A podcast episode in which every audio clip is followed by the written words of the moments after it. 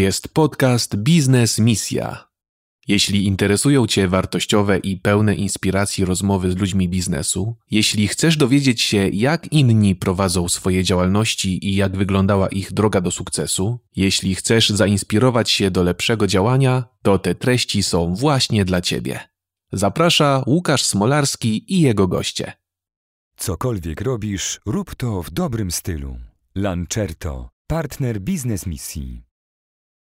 Witam wszystkich bardzo serdecznie. Dzisiaj moim gościem Tomasz Piekielnik, doradca podatkowy z wieloletnim doświadczeniem, który jak, jak wiem lubi budzić ludzi i wiem, że też mm, zajmuje się podatkami i stworzyłeś też między innymi e, informacyjną kampanię na temat Nowego Ładu, tak? I wiem, że to aż, do, które dotarły już do ponad 20 tysięcy osób. Tak, rzeczywiście. Cześć Łukaszu, dzień dobry Państwu e, i bardzo dziękuję za przyjęcie zaproszenia, bo to Rzeczywiście tak jest. E, moją ambicją i pasją jest mówienie do ludzi, ale w taki sposób, żeby budzić w nich odpowiednie nastawienie, budzić odpowiednią postawę. E, I dla przykładu wspomniałeś o tej kampanii. E, nazwałem ją też trochę tendencyjnie, celowo, nowy porządek podatkowy, ponieważ dla mnie Polski Ład i to, co jest wprowadzane, a uważam, że jesteśmy na jakimś etapie dopiero wprowadzania tego czegoś, to ta nazwa po prostu nie jest też przypadkowa. Widzimy, że coraz bardziej turbulentnie jest w świecie podatkowym. W kampanii Nowy Porządek Podatkowy wzięło udział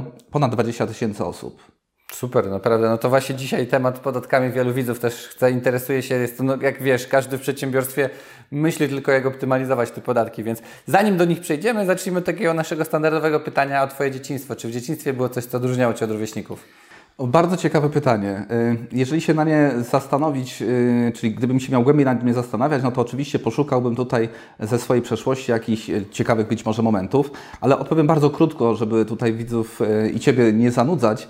Myślę, że była we mnie od lat wczesnych dziecięcych jakaś taka dziecięca kreatywność, na pewno wychowanie, czyli wielki szacunek tutaj i podziękowania dla moich rodziców za to, że miałem okazję w takim domu dorastać i być wychowany w takim etosie pracy. To znaczy, że rzeczy nie, dzieją się przypadkowo, nie biorą się mm, z sufitu, nie spadają na nas z nieba. Oczywiście los często pomaga nam w tym, y, co robimy, ale to my musimy się temu losowi pokazać. A więc y, spryt dziecięcy, jakaś pracowitość. Pamiętam też, że w szkole podstawowej byłem przewodniczącym szkoły.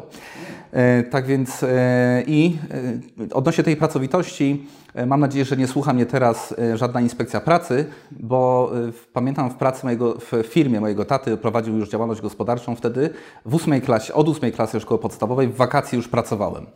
A więc były to różne czynności porządkowe, chociażby obsługa takiej maszyny jak foliarki, czyli folio, foliącej części samochodowe, więc no, to takie były przygody wczesne. Powiedz mi, przechodząc już właśnie do podatków, Jakie dzisiaj ukryte podatki płaci przeciętny Kowalski? Mm, tutaj przy tym pytaniu się bardzo uśmiecham. E, na początek też, e, zanim przejdę do odpowiedzi, bardzo króciutko powiem, że niestety podatki są układane w ten sposób, cała rachunkowość, cała sprawozdawczość podatkowa układana jest w ten sposób, aby dbać o to, aby, abyśmy my ludzie, my społeczeństwa byli po prostu jak ciemne masy.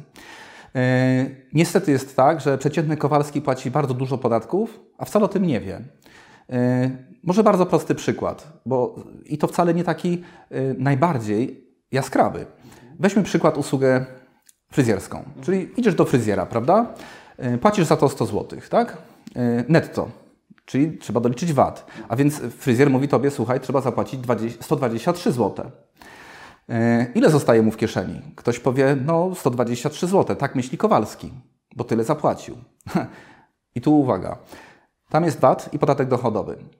VAT-u jest 23 zł, podatku dochodowego załóżmy, że on jest na tym podatku liniowym 19%, to jest 19 zł. 19 plus 23 to jest 42 zł. I teraz y, pytanie bym miał do widzów, 42 odnieść trzeba, prawda, do 100 zł, do tej ceny netto i wychodzi na to, że podatków jest tam 42%, tak? I tutaj każdy, kto kiwa głową, mówię, halo, to wcale nie tak, dlatego że temu fryzjerowi zostaje przecież kwota po podatku dochodowym. On musi ją tylko on musi ją przechować, ale za moment zapłacić do skarbowego. Jemu zostaje 81 zł, a więc wysokość podatków 42 odnosimy tutaj do 81 zł, a to oznacza, że w tym prostym zabiegu fryzjerskim było 52% podatku. I teraz gdybym Ci pokazał kolejne przykłady, na przykład ile to jest w przypadku paliw, ile to jest w przypadku innych usług, ile to jest w przypadku i tak dalej, no to byłoby to czymś szalonym. A więc ja odpowiadam w ten sposób. Kowalski płaci wszystkie podatki, tylko o tym nie wie. I dlaczego powiedziałem, że e, te podatki i cały system podatkowy jest tak ukartowany, żeby to przedstawiać w ten sposób, aby społeczeństwo, czyli typowy reprezentant społeczeństwa o tym nie wiedział? No bo on się tym nie bulwersuje. On się będzie cieszył, jak u niego wystąpi jakaś zmiana o 1, 2, 3 czy 5% jego osobistej, indywidualnej stawki PIT. Tylko tu bym Tobie podał pewną, e, pewien być może obrazowy przykład. Ile płaci podatku osobistego ten Kowalski, a ile wydaje codziennie na konsumpcję, utrzymanie media, w czym płaci ogromne podatki. A więc obniżki podatków e, tych osobistych ja porównuję do czegoś takiego, jak gdyby rolnikowi, który żywi całą wieś, ma 10 hektarów ziemi, załóżmy, e, i ogródek swój prywatny, e, który ma wielkość 10 arów, czyli 0,1 hektara. Tak? Gdyby jemu powiedzieć, słuchaj, e, wprowadzamy Ci pańszczyznę, płacisz teraz podatek następujący. Połowę plonów z 10 hektarów to jest na podatek e, i połowę też swojego ogródka. Ale na zajutrz mówimy, mamy teraz dla Ciebie obniżkę podatku, wielką. Słuchaj, będziesz płacił połowę tego podatku, który płaciłeś dotychczas, ale tylko w stosunku do Twojego ogródka. Tym jest obniżka podatku, na przykład PIT, I tym jest ta cała manipulacja podatkowa w społeczeństwie. Mógłbym tutaj mówić dość długo, bo pasjonuje mnie ten temat bardzo. E, podatkami z pasją się zajmuję od kilkunastu lat. już na początku. Ale nie chciałbym też, aby ten temat zdominował naszą rozmowę. Jest też pytanie od widzów, czy jest tak rzeczywiście, że ktoś jak pracuje na etacie może optymalizować podatki? Mam na myśli, że właśnie się gdzieś dowiedziałem, że możesz mieć na przykład NIP, wystawiać faktury i coś tam odliczać. Czy to jest prawda w ogóle? E, bardzo ciekawe pytanie. No, jeżeli chodzi o pracę na etacie, to tutaj całą tą sprawozdawczość podatkową robi za nas pracodawca. Mhm.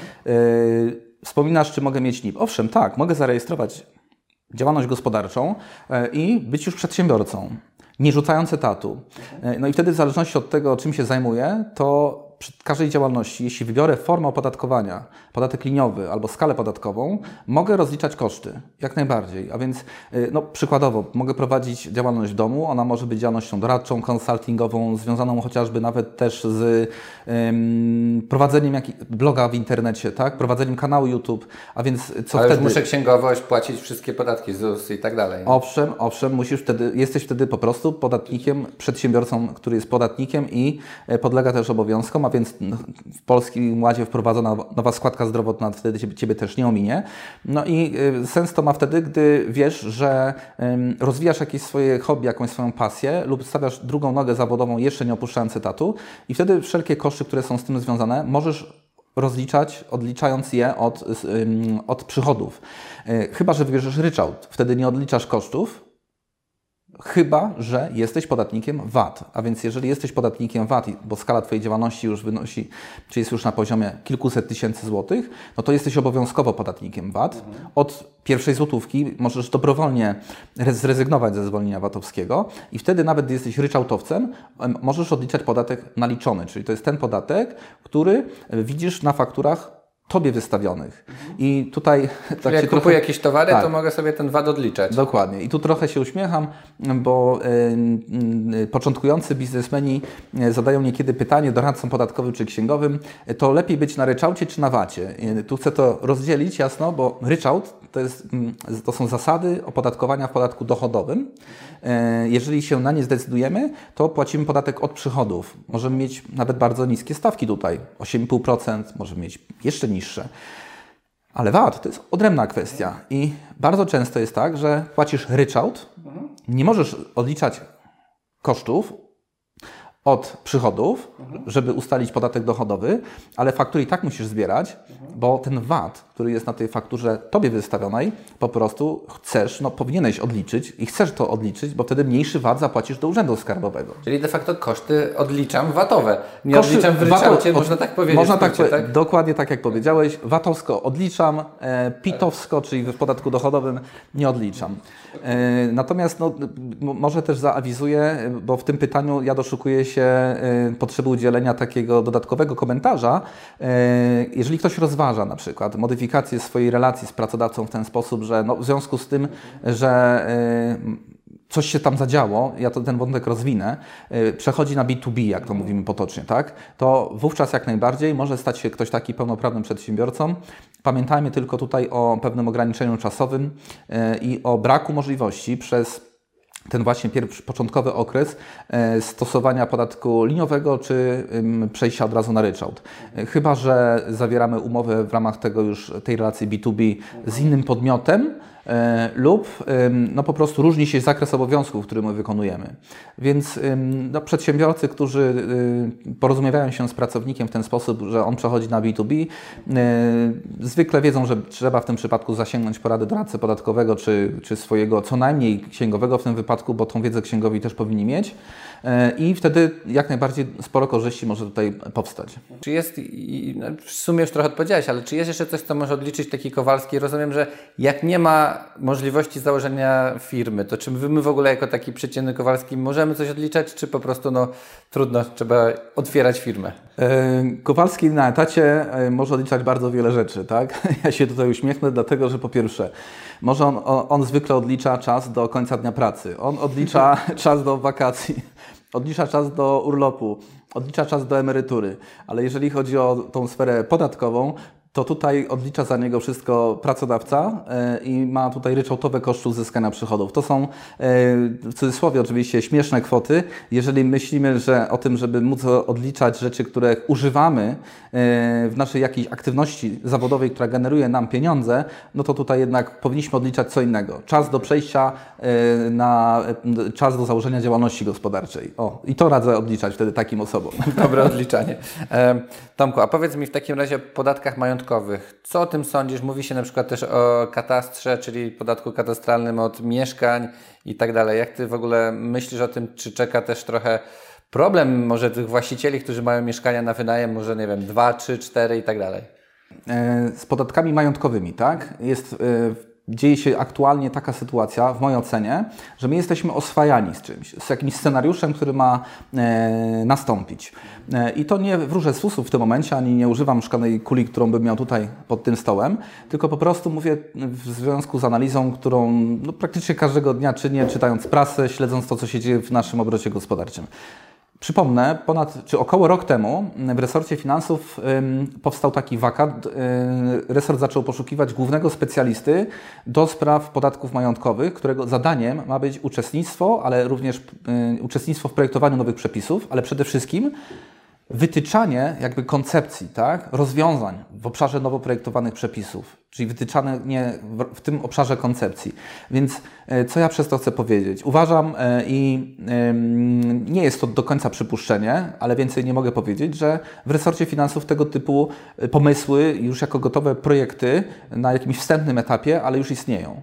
I w tym momencie jesteśmy z tym oswajani przez prasę, bo od kilku tygodni możemy przeczytać o pomyśle podatku od pustostanów. Tak? Dlaczego od pustostanów? No, żeby y, zbadać tutaj społeczne oczekiwanie czy społeczną aprobatę społeczeństwa na coś takiego. I tu się odzywa z jednej strony wiele głosów, oj, podatki majątkowe to nie może czegoś takiego y, być, bo to jest odbieranie własności, y, ale z drugiej strony wiele osób powie, ale tego typu podatki, one mają zachęcić do Uwol... Tak jest, do uwolnienia tego potencjału na rynku mieszkania, mieszkań, szczególnie, e, który gdzieś jest tam zblokowany tym, że wielu inwestorów ma mieszkania, dysponuje nimi, ale nie udostępnia ich dla celów wynajmu. I teraz e, z czym się tutaj zgodzić? Ja uważam, że im mniej państwa ingerencji w gospodarkę, tym lepiej. Natomiast tutaj, odpowiadając na Twoje pytanie, powiem absolutnie nie mam złudzeń, że wchodzimy w nową opresyjną erę fiskalną, podatkową i że podatki majątkowe y, to tylko kwestia czasu. Czyli to nie jest pytanie czy, a kiedy. Mhm. A powiedz mi, czy czeka nas według Ciebie taka właśnie era podatkowych wywłaszczeń? No bo to są też no, grube pieniądze. Tych, te podatki musimy z czegoś mieć, żeby je płacić. Tak. Tak, tak. No to pytanie ewidentnie wiąże się z tym poprzednim. E, czym, czym, w jakim kontekście rozpatrywać takie wywłaszczenie powinniśmy? E, po pierwsze, jako bezpośrednie odebranie własności, jakimś jednym aktem, jednym ruchem, a po drugie, być może jako odbieranie własności na raty. E, I zacznę od tego drugiego punktu, od tego drugiego przykładu. Odebraniem własności na raty jest każdego rodzaju podatek katastralny, który gdyby wynosił, czy gdy będzie wynosił 1, 2, 3, 5%, to jest to odebraniem tej własności na raty. No bo wyobraź sobie, że podatek jest, wynosi na przykład na trzecie mieszkanie. Od trzeciego i każdego następnego mieszkania. Wynosi 5% rocznie. Ale nie, nie jest to stawka zależna od metrażu, tylko po prostu od wartości tego mieszkania. To, y, to przecież to jest nic innego jak odebranie tobie tej własności na raty. Czyli po 20 latach, w przypadku stawki 5% tego mieszkania się pozbyłeś. Jeśli nawet ty będziesz formalnie jego właścicielem, no to co się stało? Ty musiałeś spłacić jeszcze raz jego wartość. No to jest dokładnie to samo, prawda? Więc podatkowe wywłaszczenia, to podobnie jak cały system podatkowy, jest, jest, jest to wprowadzane w naprawdę przemyślany i bardzo sprytny sposób, no po to, że poparcie społeczne ma być do tego y, również zorganizowane. A ten, kto będzie mówił, że e, tego typu podatki są niesprawiedliwe, ma być być może uznany za, zobaczymy jak to historia osądzi, ale za wroga ludu, prawda? Tego się niestety spodziewam. To nie jest obawa i broń Boże, nie chcę, żeby tutaj ktokolwiek uznał y, te moje słowa za, za jakieś straszenie, za ferowanie tutaj złych y, wyroków i wydawanie złych prognoz, tylko y, na to składają się konkretne fakty. I ja przypomnę te fakty. Po pierwsze, rządzący już mówią o tym, że wchodzimy w erę takiej recesji gospodarczej, żeby nie powiedzieć więcej i później o tym też jeszcze będę chciał powiedzieć, y, to oznacza realne mniejsze wpływy. Nawet jeżeli nominalnie one będą rosnąć, bo rośnie bardzo inflacja, to tak naprawdę gospodarka coraz wolniej będzie się kręcić. A to oznacza realnie, że będą te wpływy podatkowe mniejsze. No więc yy, z drugiej strony co mamy? Rosnący koszt, ale to ogromny długu publicznego, który przekroczył już oficjalnie według y, takiej metodologii unijnej 1,5 biliona, mhm. czyli to jest jeden E, i za tym byłoby 12 zer, tylko jest 1,5 i 11 zer. Wyobraźmy sobie, jak ogromna to jest liczba. Czyli to mamy z drugiej strony. Z trzeciej koszt obsługi tego długu bardzo rośnie i musi rosnąć, bo bardzo rosną stopy procentowe. Więc jeżeli rolowane są obligacje Skarbu Państwa chociażby, prawda, czy jest y, jakieś tam w cudzysłowie szaleństwo na obligacje indeksowane inflacją, a ona będzie rosła, no to znaczy, że koszt obsługi długu będzie w diametralny sposób y, również rósł. No i jeszcze z trzeciej strony Mamy e, te zapowiedzi, te sygnały, które się dzieją po stronie resortu finansów e, i sądowanie tego właśnie e, nastawienia społecznego. No, trochę brzmi to przerażające, jak jeszcze trochę powiedziałeś o tych rzeczywiście wpływy podatków są coraz mniejsze, one będą, bo też się słyszy o tym, że firmy upadają, bo po prostu sobie nie radzą z tak wysokimi podatkami i na pewno to się będzie działo na przełomie kolejnych lat. To co sądzisz, czy czeka nas upadek w ogóle pieniędzy państwa i czy kryzys nas poturbuje? Jak, I jak do tego, jak w ogóle może to być? Mhm.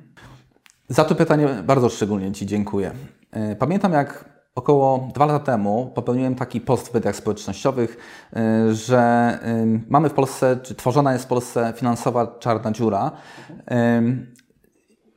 Może kilka zdania tła. Wszyscy musimy wiedzieć, wszyscy oglądający Twój kanał muszą wiedzieć, że od wielu, wielu lat, nie tylko zresztą w Polsce, zwiększany jest dług publiczny. To oznacza, załóżmy teraz, że ta nasza łódź, jakim jest Polska, finanse publiczne, no to jest jakiś wehikuł. Jeżeli ma stale niższe przychody, a wyższe wydatki, stale dobiera długu, no to jasno możemy, musimy powiedzieć, że przecież to jest irracjonalne. Tak się po prostu nie da funkcjonować. Jak to możliwe, że tak to się dzieje? No to ja odpowiem w ten sposób. Gdyby to przełożyć na biznes, to można by się tego, trzeba by to było ocenić w ten sposób, że no dzieje się tak albo dlatego, że planowana jest jakaś kontrolowana wywrotka, czyli ktoś nabiera długu, bo potem chce, ma spółkę, co spółkę akcyjną, prezesa słupa, chce potem wywrócić taki biznes i z tymi pieniędzmi gdzieś tam sobie powędrować, prawda? No dość logiczna konkluzja. Jeżeli chodzi o państwo i nie tylko nasze, bo ten dług publiczny zwiększany jest w innych państwach europejskich również, y, to ta analiza i analogia do tego, co się dzieje w sektorze prywatnym, czyli w biznesie ze spółką, która ma zawsze mniejsze przychody, a większe długi, jakoś jej banki pożyczają, tutaj też musi chodzić o coś więcej. E, I w moim ocenie e, jest to realizowane też po to, aby w rozłożonym oczywiście okresie bardzo w czasie, taki, który już będzie poza naszą percepcją. Mamy bardzo krótką pamięć. Widzimy ten rok i ostatni. E, ale finanse e, publiczne tutaj tak naprawdę zarządzane są w dłuższych cyklach, w dłuższych okresach. E, I one stoją w jakiejś konkretnej relacji również do świata finansów prywatnych, czyli do banków, do banków, do świata finansów międzynarodowych. Więc pytanie, czy finanse publiczne upadną, odpowiem w ten sposób. Dla mnie nie ulega wątpliwości, że czeka nas przedstawienie scenariusza.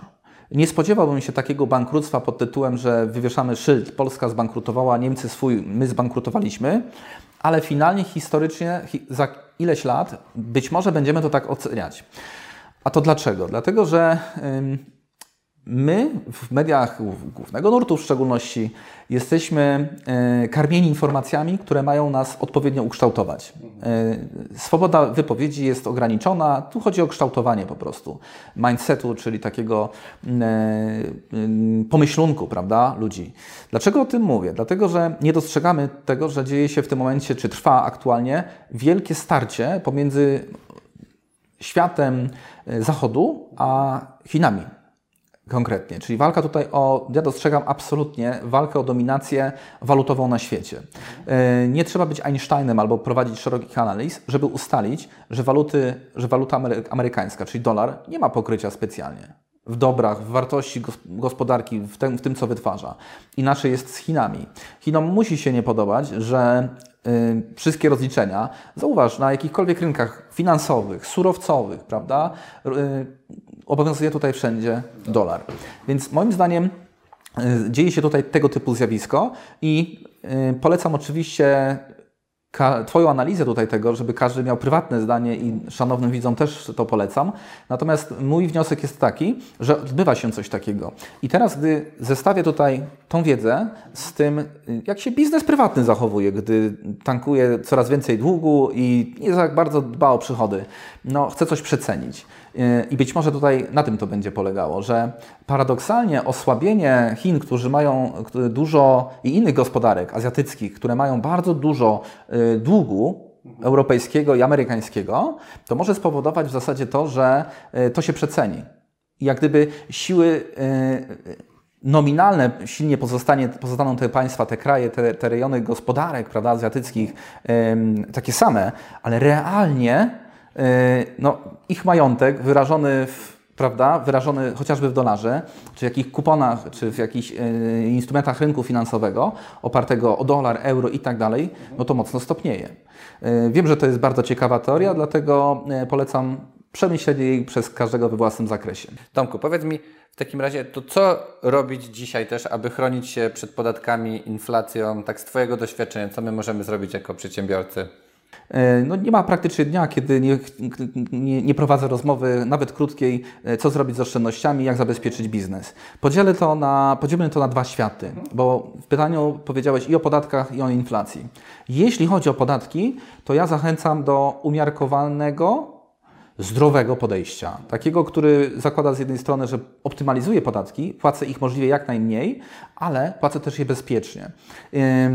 Ja każdego zachęcam, uczestnicy moich szkoleń czy moi klienci wiedzą doskonale, co mam na myśli, bo zawsze używam takiego słowa uzasadnienie gospodarcze, business case, czyli jeżeli ja podejmuję jakąś decyzję, która ma skutki w podatku takie, że podatki są po prostu niższe wskutek tej decyzji, to ja powinienem mieć zbudowaną argumentację i wytłumaczenie tego i dokumenty na jej poparcie, na przykład listy intencyjne, dokumenty typu umowy, prawda, korespondencja mailowa, jakieś opracowania, yy, chociażby gdy transformuję spółkę, tak, gdy zawiązuję z kim jakiś kontrakt, zakładam z kimś, yy, zawiązuję z kimś umowę spółki cichej, wchodzę w joint venture, zakładam spółkę zagraniczną.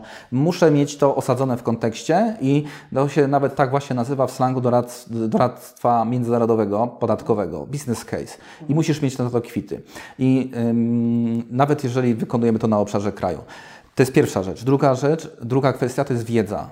Ym, bardzo bym chciał, żeby ym, polscy przedsiębiorcy mieli zdecydowanie wyższy poziom wiedzy o podatkach, o mechanizmach podatkowych na ich menedżerskim poziomie. Nie ma tutaj, oczywiście problem jest taki, no gdzie oni tą wiedzę mają zdobyć. Zwykle szkolenia podatkowe to dedykowane są dla księgowych, tam mówi się językiem tego typu. Nie ukrywam, że podejmuję wyzwanie przełamania tej bariery na rynku e, i pójścia za ciosem tego, co, e, co okazało się, ludzie uznali za wartościową rzecz, czyli tej kampanii Nowy Porządek Podatkowy.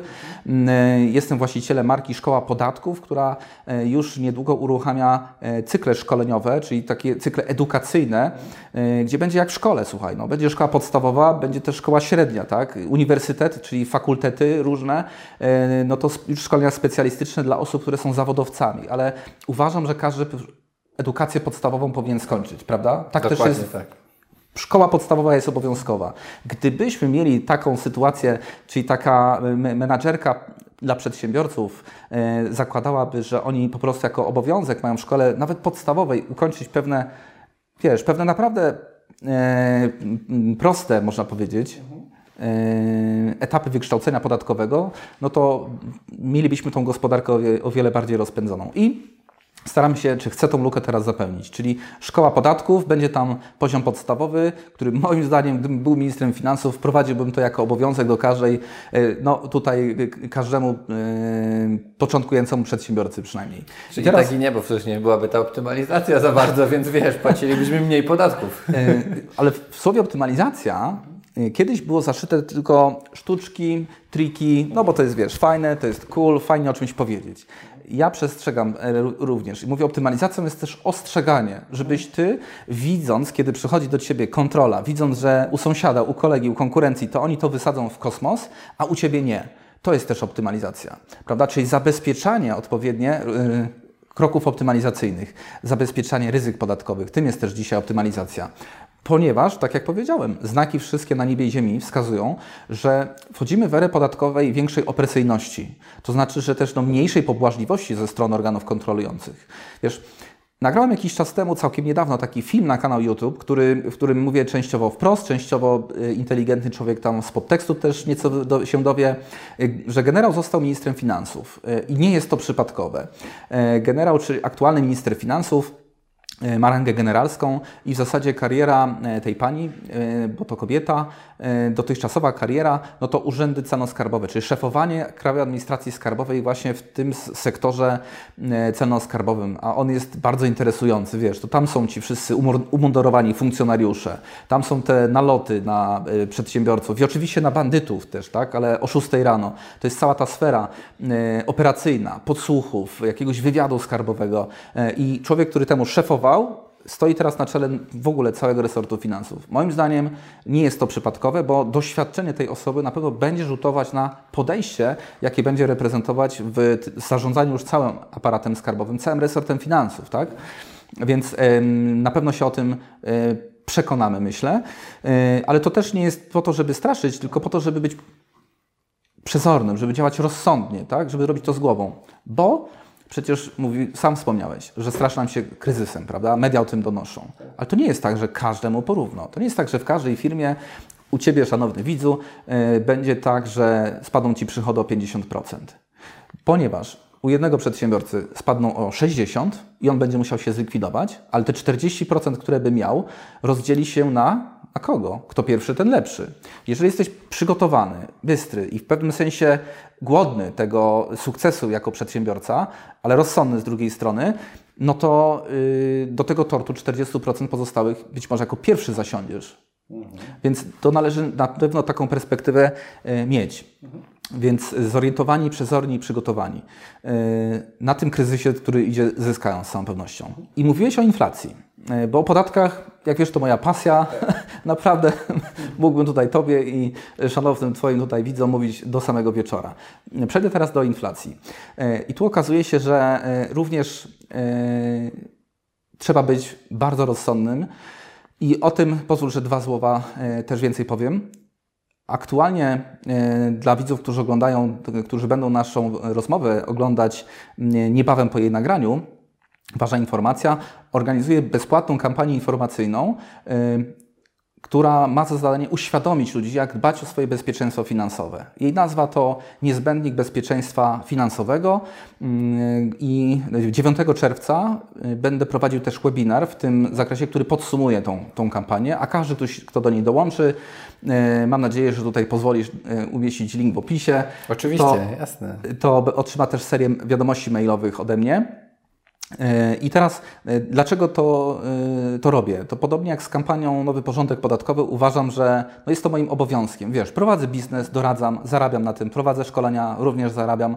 I dlaczego by nie zrobić czegoś nieodpłatnie? Zapewne i tak skutkiem ubocznym tego, co robię nieodpłatnie, i tak będzie to, że stamtąd będą spływać zapytania o współpracę, prawda? Że część osób dołączy do jakiegoś płatnego kursu szkolenia, który prowadzę. To, to jest normalne, przecież jesteśmy na kanale biznesowym ale uważam, że moim obowiązkiem jest też dzielić się tym y, wiedzą i obserwacjami, wnioskami z analiz z ludźmi, po to, żeby dawać im wiedzę, która ich ma szansę obudzić. Czyli tak jak mówiłem i to, co mówiłem o Polskim Ładzie, w czasie, kiedy jako pierwszy Polsce doradca podatkowy, w mojej ocenie, bo tutaj y, być może ktoś powie, że on to on był pierwszy, ale w mojej ocenie, jako pierwszy doradca w Polsce przeprowadziłem taką informacyjną kampanię i niektórzy twierdzili, że słuchaj, straszysz, straszysz, Polski Ład nie wejdzie albo nie będzie tak źle. Y, ja mówiłem, słuchajcie, Polski Ład to dopiero początek, będzie chaos, będzie potem wokół tego dużo zamieszania, bo to zamieszanie tworzone jest celowo. I podobnie teraz chcę powiedzieć, że wszystkie znaki na niebie i ziemi, które analizuję, jasno wskazują, że czeka nas również finansowanie finansowy chaos. Finansowy chaos wprowadzany, on nie będzie się dział przypadkowo. Inflacja jak najbardziej tak. Co zrobić, żeby się zabezpieczyć? Myślę, że najważniejsze dla widzów Twojego kanału jest to, czego nie robić. Nie robić głupich ruchów, mówiąc krótko. Co to oznacza, nie robić głupich ruchów? Słuchaj, czy bez zrozumienia lubisz naśladować sąsiada? No bez zrozumienia. Wiesz, to, to jest zachowanie rodem ze szkoły podstawowej, prawda? Gdy koledzy siebie wzajemnie naśladują. Ale tu nie ma żartów, jeżeli chodzi o finanse i byt nasz, własny, byt naszych rodzin. Dlatego naśladowanie, szczególnie influencerów, gwiazd internetu, niektórych gwiazd YouTube'a będzie bardzo zgubne. To znaczy ja, ja patrzę z takim naprawdę nieco y, smutkiem w sercu na to, jak w internecie dzisiaj łatwo jest y, naganiać ludzi, tym bardziej mając wielką społeczność i zarabiać na tym potężne pieniądze. To znaczy niestety mam y, wiedzę, to nie jest przypuszczenie, ale niestety mam wiedzę o tym w związku z projektami, które prowadzę, z y, klientami, dla których prowadzę te sprawy. To nie są rzeczy wszystko też przypadkowe, ale niestety mam wiedzę, że y, na polskim rynku i nie tylko na polskim rynku. E, niektórzy influencerzy po prostu na tym zarabiają ogromne pieniądze i to nie na tym, że sprzedadzą Tobie coś wprost, czyli jakąś wiedzę, choć i o tym też jedno słowo powiem, ale na tym, że wywołują jakiś, wiesz, pęd, jakieś określone zachowania. Bo jeżeli, popatrz, Wyobraź sobie, że masz społeczność 200 tysięcy osób czy 500 tysięcy osób. I jeżeli powiesz dzisiaj, słuchaj, kupuję bitcoina, to uwierzysz w to, że twoi followersi, jak to się mówi, nie podążą za tobą? A co gdy im powiesz, słuchaj, ja kupuję bitcoina, ale ty nie kupuj? Umówmy się, ogromna część to zrobi. E, no i to jest świetny moment. No, tak się steruje tłumami, tak się steruje bańkami, tak się steruje rynkami finansowymi w jakimś zakresie oczywiście, e, a rynek, e, niektóre rynki finansowe są na to bardzo podatne. No i teraz no to jest bardzo prosty sposób, żeby coś wywołać, szczególnie na jakimś walorze, który, który jest, wiesz, mało płynny. Czyli wyobraź sobie, że masz coś mało płynnego, no i w ten sposób pukasz do rynku i mówisz de facto, słuchajcie, odbierzcie to ode mnie, nie? Ale oni, oni to inaczej widzą. Myślą, że będą milionerami. milionerami tak jak ty, a to ty tak naprawdę będziesz tym milionerem. Więc Wiesz, to tutaj absolutnie również mógłbym dużo o tym mówić, ale tak, żeby wartość była dla widzów Twojego kanału, to powiem tak. Po pierwsze, nie podążamy za e, naganianymi e, za teoriami, które są rodem wzięte po prostu z jakiegoś westernu, żeby nas zagonić w odpowiednie miejsce. Pierwsza rzecz. Druga rzecz, czego nie robimy, nie podejmuję kroków, które powodują, że dysponuję czymś, czego nie rozumiem. To jest bardzo ważne. Już mi kiedyś powiedział pewien klient, bardzo zamożny przedsiębiorca, który rocznie wiele milionów złotych zarabia i tych nadwyżek ma stale do inwestowania, że on lubi proste inwestycje. Po prostu nie inwestuje w coś, czego nie rozumie. I yy, w tym wątku zrozumienia to powiem w ten sposób. Y, weźmy za przykład obligacje. Y, klienci czy ludzie, którzy mnie znają, wiedzą, że przy przypadku obligacji korporacyjnych ja zawsze mówiłem w ten sposób. Słuchaj, jeżeli chcesz kupić na rynku finansowym obligacje, bo ktoś z banku ci je poleca, musisz wiedzieć, że on poleca to dlatego, że ma z tego naprawdę dobrą prowizję. No, patrz przykład dzisiaj, to już wszyscy wiemy. Y, Getback, Amber Gold, jakieś tam inne historie, prawda? Ale ja przed tymi historiami o tym również klientom mówiłem, ale co najważniejsze, mówię tak, słuchaj Łukasz, kup te obligacje dokładnie wtedy, kiedy będziesz przekonany, że ty byś te pieniądze tej firmie pożyczył na tych warunkach, które towarzyszą obligacjach. Czyli otrzymując takie zabezpieczenia, jakie otrzymujesz, takie oprocentowanie, jakie otrzymujesz i taki dostęp do wiedzy tego przedsiębiorstwa, bo ty de facto jesteś w roli banku dla niego. No to słuchaj, bank ma cały sztab ludzi do tego, żeby analizować tą firmę, kowenantami trzymać ją gdzieś tam, prawda, za gardło, żeby nie popełniała jakichś ruchów, które się bankowi nie podobają.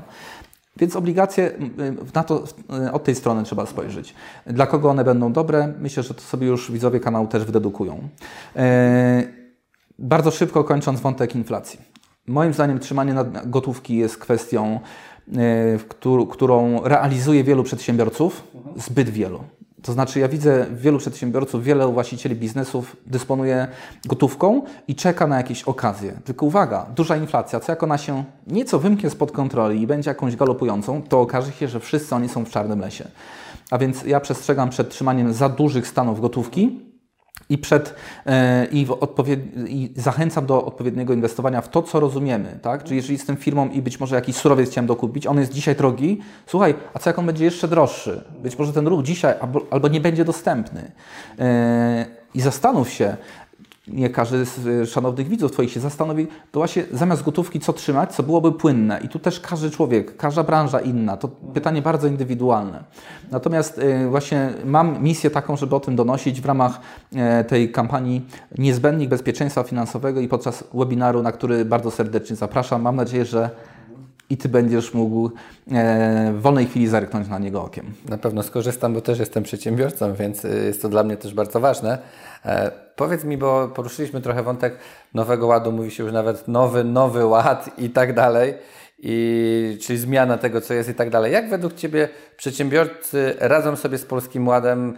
Mm, wiesz, mam na myśli już nie, nawet ten ZUS, który wzrósł naprawdę dla niektórych, jak się mówi, to jest to jest kosmos w ogóle i według mnie nie jest to sprawiedliwe, no bo otrzymujesz, każdy otrzymuje to samo, nie? Mamy już podatki, gdzie, gdzie, gdzie traktują nas, ile zarobisz, tyle oddasz, ale jeszcze doładują nam ZUS i tak dalej. Jak w ogóle myślisz, że przedsiębiorcy czy sobie radzą, czy rzeczywiście nie wiem, czeka nas masowy upadek firm? To po pierwsze, jak sobie przedsiębiorcy radzą w Polskim Ładzie, czy w Nowym Ładzie i w Nowym Nowym Ładzie, czyli w tym, co teraz od lipca będzie wchodzić. E, to może tak retrospekcja od końca. Jeżeli chodzi o nowy, nowy ład, czyli to, co te zmiany, które mają się w lipcu wydarzyć, obniżka stawki podatku w pierwszym progu podatkowym z 17 na 12% chociażby, to to elektryzuje już bardziej mm, branżę doradczą i księgową.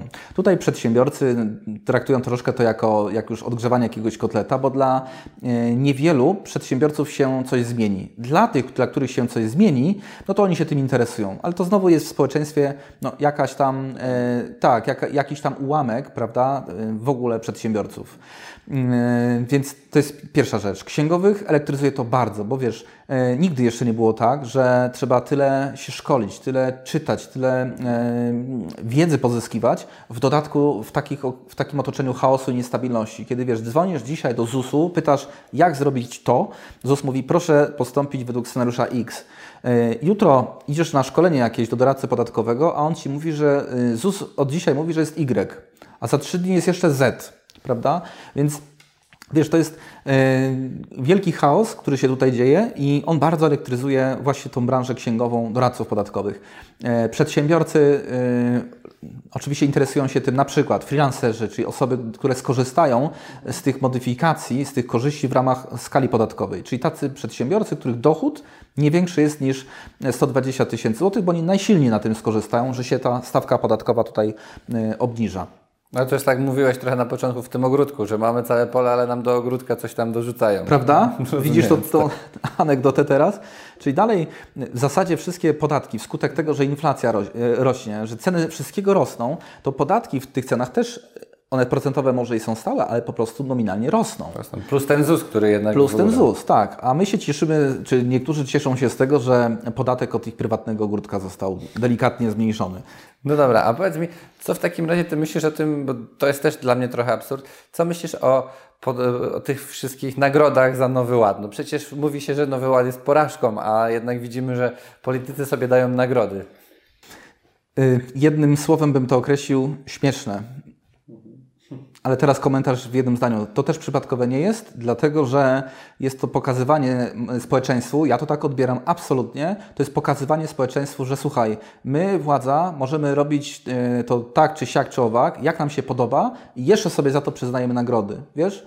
E, ty, obywatelu, masz być grzeczny, słuchać się e, i podążać za naszymi dekretami. Ja nawet tych słów używałem w trakcie właśnie, wiesz, tych webinarów, które prowadziłem w ramach kampanii o Polskim Ładzie, Nowy Porządek Podatkowy, na który przychodziło naprawdę sporo osób, to właśnie tak mówiłem, że wchodzimy w erę, kiedy to władza będzie rządzić dekretami, czyli jakimiś decyzjami, wiesz, no nie ustawą konkretnie, tylko czymś na szybko na kolanem przygotowanym. I każdy to już widział. Na początku stycznia Ministerstwo Finansów wyda jakieś, wiesz, rozporządzenie, czyli dekret, że nie jak w ustawie, tylko tak jak oni chcą, nagle na konferencji ogłosili, trzeba obliczać podatek pracownikom. Wszyscy temat znają, tak zwanego rolowania, zaliczek na, yy, zaliczek na PIT przy wynagrodzeniach pracowniczych, obliczania ich według dwóch mechanizmów, Starego Ładu i Polskiego Ładu. Nie chcę tego wątku tutaj e, rozwijać. No to przejdźmy trochę do biznesu, bo też właśnie ogląda nas, nas e, biznes i jaka struktura właśnie jest optymalna na początku właśnie biznesu, na przykład mamy startup, może odnosić się do startupu, średniej firmy, no i dużych firm. Czy jest coś takiego, od czego możemy zacząć właśnie? Bardzo dziękuję za to pytanie. E, na to pytanie, żeby też odpowiedzieć, poprosiłbym o 5 godzin.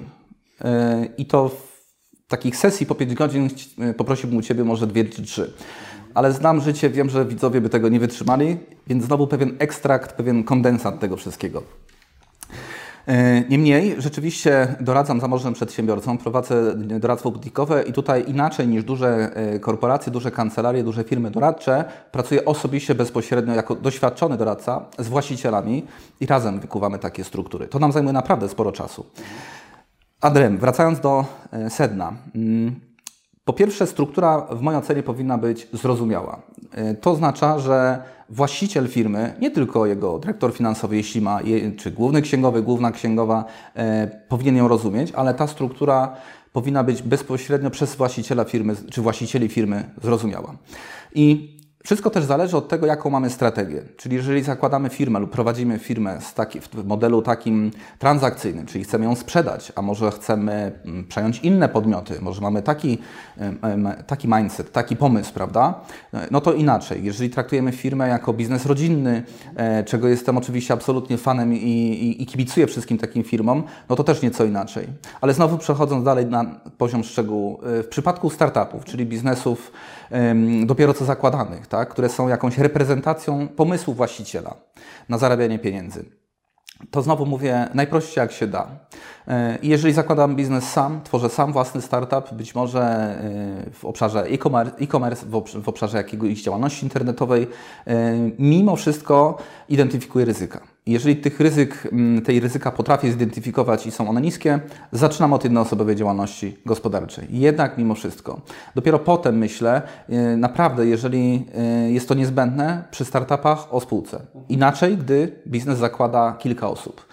Y, to tutaj z całą pewnością do rozważenia na początek jest spółka ZO, o tym każdy jeden przedsiębiorca myśli. Dlaczego? Bo ona jest dość prosta i zrozumiała w prowadzeniu, to znaczy istnieje bardzo dużo wiedzy na rynku. E, praktycznie każde biuro rachunkowe potrafi się tym zająć. E, prawnicy są, e, którzy zajmują się prawem gospodarczym, również w tym wyspecjalizowani. Natomiast dla niektórych, szczególnie przedsiębiorców, którzy tworzą jakąś myśl, wartość intelektualną, mogą z pewnych korzyści podatkowych również skorzystać, tworząc prostą spółkę akcyjną. Tak? Ona umożliwia w określonych sytuacjach amortyzację czyli zaliczanie w koszty potem y, wartości takiej, trochę zażartuję teraz, ale wziętej sobie z sufitu, z powietrza. Tak? Bo wyobraź sobie, że można wnieść wartość intelektualną do prostej spółki akcyjnej, y, a ona będzie to amortyzować i będzie to bez żadnych sankcji. A przypomnę, gdybyś tak chciał uczynić, y, mając spółkę ZO i wnieść do niej właśnie jako wkład niepieniężny, wartość intelektualną, która być może ma rzeczywistą rynkową właśnie wartość załóżmy miliona złotych, to co prawda Możesz to uczynić w ten sposób, ale musisz wiedzieć, że od kilku lat y, nasz kochany ustawodawca pozmieniał przepisy o opłatach ten sposób, że zapłacisz od razu podatek na wejściu, czyli na tym aporcie. I to jest bardzo y, ryzykowne, e, nie każdy o tym wie po prostu. E, więc ja myślę, że tu bym się w tych obszarach poruszał. E, oczywiście powinienem też wskazać na spółkę komandowo-akcyjną, bo nią się też dzisiaj bardzo wiele osób interesuje, ale jest to podobnie jak prosta spółka akcyjna, troszkę mniej e, obeznana dzisiaj jeszcze struktura, więc temu trzeba się przyglądać. Ale niewątpliwie to tak e, w tej kolejności. E, średnia firma, to tutaj zdradzę też, myślę, wątek, który, o którym wiedzą dobrze doradcy podatkowi, że w tym przypadku średnich firm to tak naprawdę już dobrze myśleć nie o jednej, nie o jednym, nie o jednej formie prawnej, tylko o pewnym zespole form prawnych. Czyli myślę, w małym, w średnim już biznesie o tym, jak połączyć ze sobą, jak zgrać ze sobą dwie, trzy firmy. Mhm. Może jedna spółka, do tego dwie działalności jednoosobowe, a może jeszcze czwarta firma, y, spółka jawna, spółka cywilna, y, właścicieli, czy rodziny właścicieli, czy jakiejś konstelacji rodzinnej tych właścicieli, tak? Po to, żeby no, nie wszystkie procesy były, być może nie wszystkie zjawiska były widoczne, zapadalne w firmie, która zwykle ma pełną księgowość, no bo mówimy o firmach średnich, a więc takich, które mają kilkadziesiąt, czy nawet więcej niż 100 milionów obrotu. To tutaj o czymś takim myślimy i e, zastanawiamy się oczywiście, czy już myślimy ciepło o strukturze holdingowej, która umożliwia nam separowanie ryzyk, zabezpieczanie kapitału, umożliwia nam bezpodatkowy transfer zysków pomiędzy firmami, tak? Do podmiotu, który, który moglibyśmy nazwać skarbcem rodzinnym, tak? To nawet w takim slangu doradczym e, ma swoją nazwę, treasury chociażby, tak? tak? Doradcy niekiedy nazywają dane podmioty. W biznesie dużym, e, czyli mówimy o firmach z obrotami naprawdę wielu set milionów złotych, a niekiedy miliardów, no to tutaj ta struktura już musi być inna. To tutaj naprawdę wymagane jest bardzo butikowe, bardzo indywidualne podejście.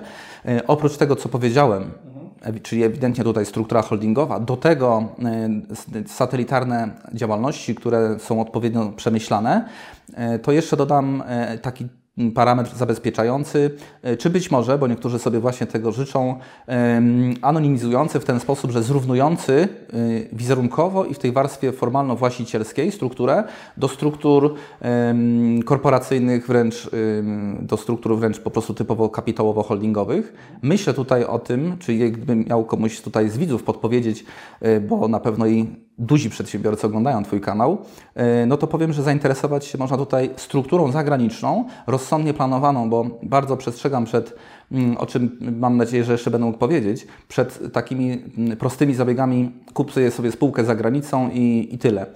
Mam tutaj na myśli dedykowane osobom zamożnym rozwiązania e, w świecie takim jak Luksemburg, Liechtenstein, Szwajcaria, e, gdzie też mam okazję mm, e, funkcjonować w jakimś sensie, struktury dotyczące czy to fundacji, która jeżeli chodzi o prywatne fundacje jest dość można powiedzieć, rozpropagowana w Europie, przy czym tutaj jest sporo jednak takich kwiatków i ryzyk, ale są też pro, mm, produkty finansowo-ubezpieczeniowe, e, które nie powinnam się kojarzyć z ubezpieczeniem, tylko z zabezpieczeniem kapitału. Czyli możesz być, wyobraź sobie, możesz mieć część wyodrębnioną dla siebie jako majątek wyodrębniony. Niemcy mówią na to właśnie Sondervermögen w danej y, dużej organizacji, która jest na przykład firmą ubezpieczeniową, międzynarodową e, i masz do tego reprezentację właścicielską w postaci jakiejś polisy, e, pod tym wehikułem znajduje się, znajduje się spółka czy spółki holdingowe z siedzibą właśnie tam za granicą, właśnie na przykład w Luksemburgu,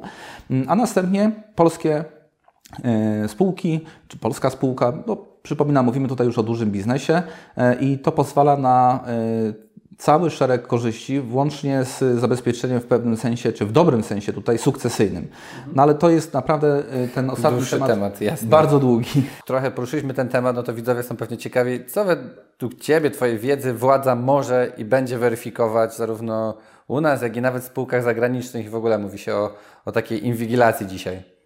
Tak, to y, jest znowu bardzo łatwe do przewidzenia. Dlaczego? Bo zobacz, y, niedługo będziemy mieć wszyscy obowiązek y, wystawiania faktur całkowicie elektronicznie.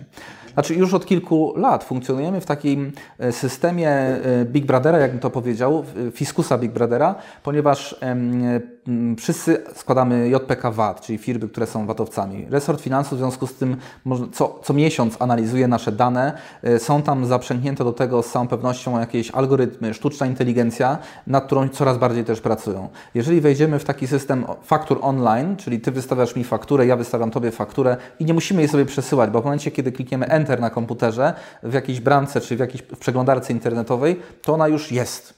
E, I ona jest u mnie i u Ciebie i fiskus ją widzi. Czyli to, to, są, to są te etapy, które już nam są ogłaszane e, i permanentna inwigilacja e, tego, co się dzieje, jeżeli chodzi o rozliczenia u przedsiębiorców, no to jest już tuż za rogiem.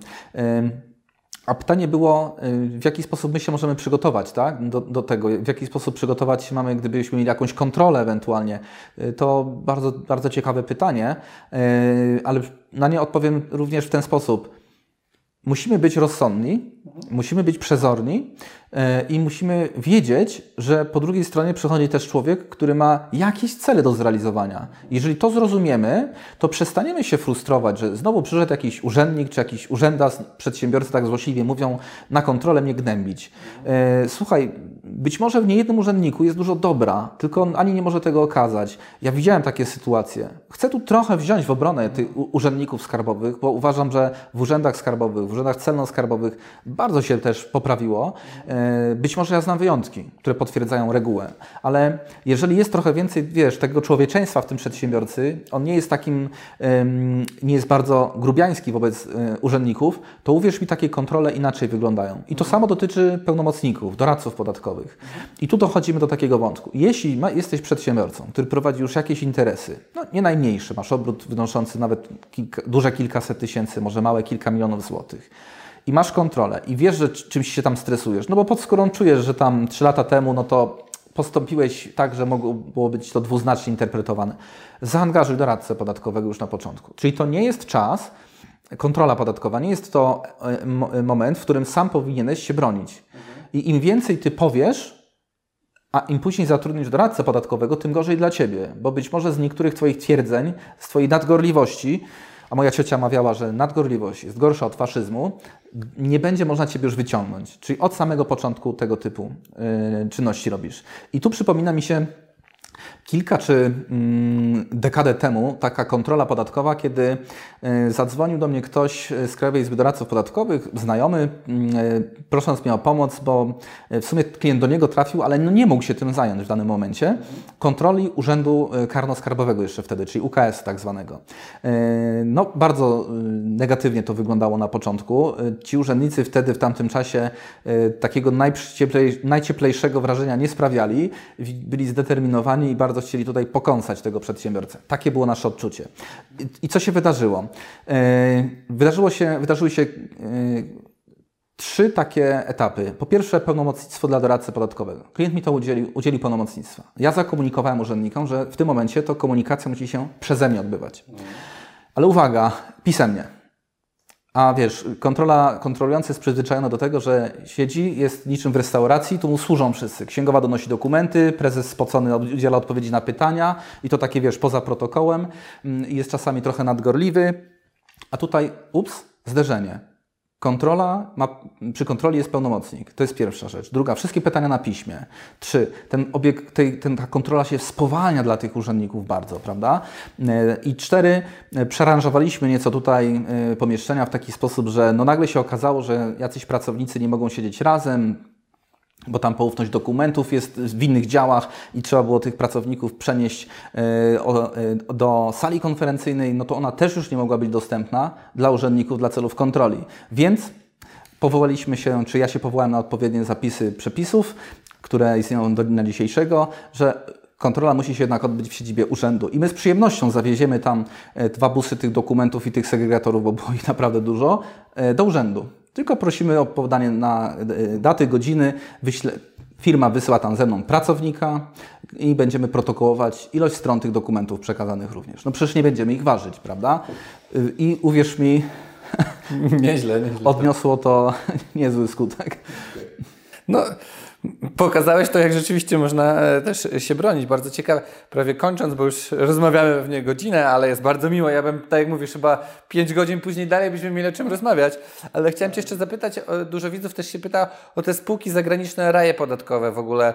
E, już dzisiaj chyba się tak właśnie nie da, jak kiedyś się mówiło, że e, musisz, możesz w innym kraju, bo to jest ta rezydentura teraz i tak dalej. Ale czy jest jakaś w ogóle furtka, by zakładać takie firmy i rozliczać się za granicą? Kiedy to rozważać w ogóle? to wspomniałeś, że mamy jednak te 5 godzin, tak? I mogę o tym powiedzieć. Słuchaj, e, to, to, to jest moją specjalizacją zawodową jeszcze od czasów studiów, e, e, a studiowałem podatki za granicą, pracowałem w międzynarodowych korporacjach, ucząc się podatków międzynarodowych, poznając fundamenty tego wszystkiego, więc takim przymrużeniem oka patrzę na sytuację i ogłoszenia typu sprzedam spółkę albo obsługuję, jesteśmy kancelarią i sprzedajemy spółki, czy mamy spółki na Cyprze, w Honolulu, na Seszelach, oczywiście troszkę żartuję, ale każdy wie, kto się interesuje spółkami zagranicznymi, jakie jurysdykcje jurysdykcje tutaj chodzą. Co się tutaj okazuje? Y, fundamentów przedsiębiorcy nie znają, a sprzedawcy spółek im tych fundamentów nie przedstawiają. Tu naprawdę potrzeba mieć podstawową wiedzę i odbyć sesje warsztatowe z doradcą podatkowym, który ma tu właśnie fundamenty, żebyś wiedział, w jaki sposób tego e, narzędzia używać. I teraz wyobraź sobie, że jesteś sklepem, który ma, jesteś masarnią. Prowadzisz masarnię, zarabiasz rocznie 5 milionów złotych, masz 30 swoich własnych sklepów, taki biznes. I kiełbaskami handlujesz w okolicy, robisz je super. I teraz wpadasz na pomysł, bo ci ktoś powiedział, że będziesz miał spółkę zagraniczną, tak? Jak to przypiąć do kontekstu? Czyli pamiętasz, pamiętasz ten business case, to słowo, o którym mówiłem, uzasadnienie biznesowe. Uzasadnij mi to. Czyli nagle pojawia Ci się spółka zagraniczna, która będzie jakieś fak co, faktury wystawiać tej, tej Twojej polskiej firmie?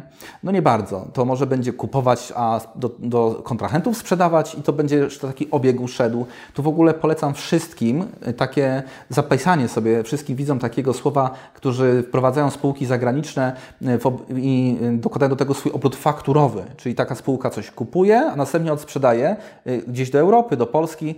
Transakcje łańcuchowe. Y, to y, polecę, polecam zapisać i skonsultować z księgową, a jeszcze lepiej z doradcą podatkowym, bo tu się okazuje, że tak wynika z moich również doświadczeń i, audytów, które niekiedy prowadzę dla klientów, że 30-40% firm, które w ten sposób organizuje sobie obieg faktur, nieprawidłowo rozlicza VAT. A przypomnę, VAT jest powtarzalny i on tu rodzi mega problem. Czyli jeżeli myślisz, że wystawiasz fakturę na towar spółce ze swojej, załóżmy, z Cypru, z Gruzji, y, z Włoch, z UK, tak, i możesz wystawiać to bez VAT-u, to może powstać sytuacja, w której przyjdzie do Ciebie urząd skarbowy, zapuka i powie, hej, Łukasz, y, wiesz co, sorry, ale za cztery ostatnie lata, bo to tak cztery lata już chodzi, cały VAT musisz tutaj nam zapłacić. To są y, wielkie problemy, wielkie ciekawe sprawy w obrocie towarowym. I e, wracając jednak do tego wątku i do sedna Twojego pytania, e, czy się tak nie da kiedyś jak, e, czy się dzisiaj tak da jak kiedyś? Absolutnie nie, dlatego że narzędzia fiskusa są również bardzo zaawansowane i nie o wszystkich, nawet nie ze wszystkich zdajemy sobie sprawę.